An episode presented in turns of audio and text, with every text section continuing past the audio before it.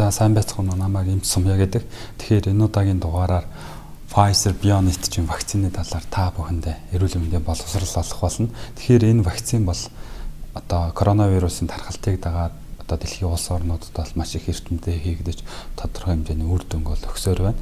А гисэн хэдий одоо ядуу буур улс орны юм аль эсвэл вакцины хүрэлцээ муутагаас болоод зарим нэг хүмүүс одоо толгомцсон асуудал болсон хэвээр байна. Тэгэхээр энэ Pfizer BioNTech-ийн вакцин бол тухайн коронавирусын одоо spike протеинийг кодолдог мэдээллийн РНХ буюу энэ одоо нуклеотидыг агуулад энэ нуклеотидыг бол юм нанолипидны бүрхүүлэлт одоо оруулж өгөөд тэрийг одоо хүний биед оруулах байдлаар бүтээгдсэн вакцин байдаг. Тэгэхээр энэ мэдээллийн РНХ бол өөрөө ингээд тасалгааны хэм буюу ноол хэмд бол маш их тогтворгүй амархан ингэж бүтцээ алдах учраас одоо хасах 70 цэлсийн хэмд бол ингэж тээвэрлэж хадгалах бол шаардлагатай байдаг. Тэгэхээр энэ мэдээллийн РНХ агуулсан одоо вакциныг бол өөрөө хоёр тунтай байдаг. А эхний тун хийлгэсний дараа бол 21 хоногийн дараа бол хоёр дахь тун хийлгэх хийлгэх байдлаар бол 90-с дээш үеийн одоо вакцины үр ашигтай байна. Дархлаа тогтоож, энэ халдвараа сэргийлж гэх мэт одоо судалгааны үр дүн бол гарсан байдаг. Тэгэхээр энэ вакциныг бол одоо Америк нэгдсэн улсад бол 2020 22 оны 12 сарын 11-нд бол хийх зөвшөөрлийг олгосон байдаг бол 12 сарын 21 он 21-ний өдөр бол Европын орнуудад одоо хийх зөвшөөрлийг орлогоод Европ болон Америк нэгдсэн улсууд бусад дэлхийн улс орнууд бол ийм вакциныг бол их хурцтайгаар хийлгэсээр байна. Тэгэхээр энэ вакцин маань өөрөө коронавирусын эсрэг тархлаа тогтоох одоо үндсэн зорилготой байдаг. Коронавирусын эсрэг тархлаа тогтсноор одоо тухайн коронавирус хүний биед орж эхэлбэл эмгэг төрүүлэхгүй буюу тухайн халдвараас сэргийлэх аль эсвэл тухайн коронавирусын вакцин маань хүний биед орж ирээд эмгэгшүүлсэн нөхцөлд бол хүндрэл болон нас баралтыг бол бууруулах үндсэн үйлдэлтэй байдаг. Тэгэхээр энэ вакцин одоо хэрхэн хүнд одоо тархлаа тогтоох байдлыг тогтоох талаар та бүхэндээ мэдээлэл олгоё. Тэгэхээр одоо бид нар одоо вакцины эхний тунг тариулаад хоёр дахь тунг тариулсан нөхцөл болохоор тухайн одоо мэдээлэл RNA буюу а энэ липид нано бүрхүүлтэй энэ вакцин маань тухайн хэсэгт ороод тэр тухайн таригдсан тухайн хэсэгт бол ингээд эс дотор одоо ороод тухайн spike протеинийг кодлсон учраас энэ уургийг бол тухайн хүний бие эс дотор болоод нийлэгшүүлж энэ уургийг бол агуулсан эсийг бид нар вакцинат цэл буюу одоо вакцин цэсүүд гэж нэрлэдэг байдаг. Тэгээд энэ вакцин цэс энэ уургийн их хэмжээгээр гаргаснаас улбалаад энэ маань хүний биед ингэж кодлогдоогүй хайр төрлийн уураг учраас дархлааны механизм өрнөд энийг одоо таньж мэдээд антигэлчлэгч эсмаа одоо энэ спайк протеиныг гадаргуудаа илчлээд дархлааны одоо бусад эсүүдийг идэвхжүүлэх байдлаар бол одоо spike protein-ы мэдээллийг одоо тархлааны эсүүдэд түгээдэг.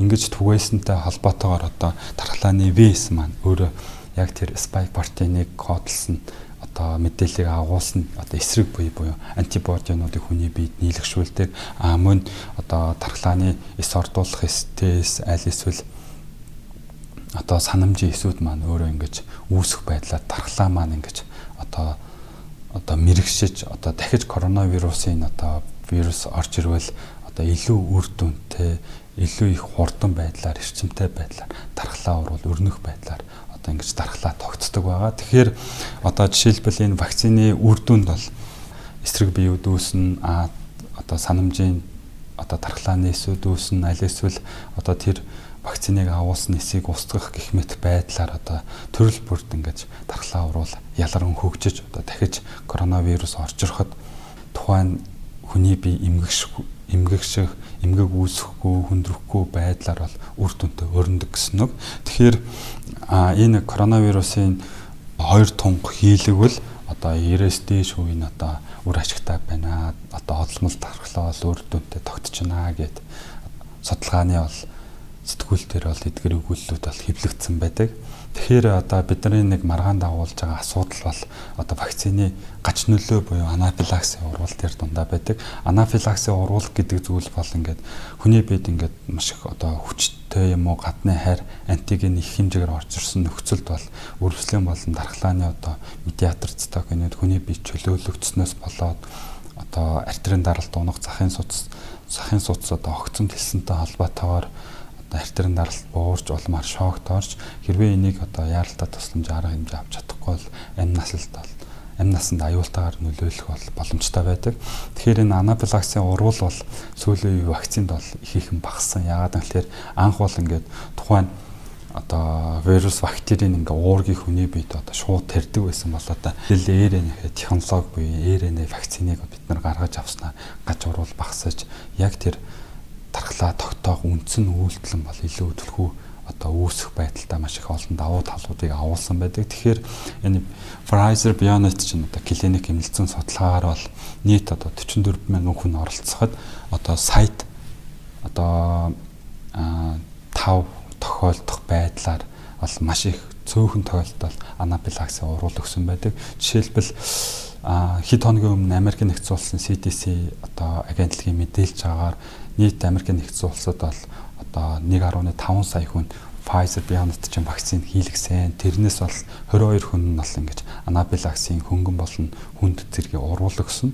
А эндээс бол нас барсан тохиолдол байхгүй гэмээр одоо өөрийнхөө албаасны хууцар бол мэдээлж байсан. Тэгэхээр энэ бол одоо сайд одоо 1 2 5 тохиолддог маш их цөөхөн тохиолддог юм гач нөлөө багтаа ийм вакцины төрөл шүү гэдгийг бол онцолж хэлмээр байна. Тэгэхээр энэ Pfizer BioNTech-ийн энэ коронавирус 2 тонтой вакцин бол одоо 1 тонн бол 0.3 мл-ийг агуулсан байдаг. Эндээ бол одоо мэдээлэл ерөнхий одоо нано технологи нано бүрхүүл нь одоо липидэн бүрхүүл а мөн салийн гэх мэт тодорхой хэмжээний одоо физиологи уус мал янз бүрийн одоо докторжуулагч тодорхой хэмжээний одоо уус млууд орсон байдаг. Тийм учраас а одоо гач нөлөө их багтай гэсэн судалгааны үр дүн бол гарсан байдаг. Гэхдээ бол зарим нэг улсуудад бол гач нөлөө бол одоо жишээлбэл Норвеги улсад бол 22 хүн одоо хүнд хэлбэрийн анафилаксыг оруулах гэсэн гэх мэт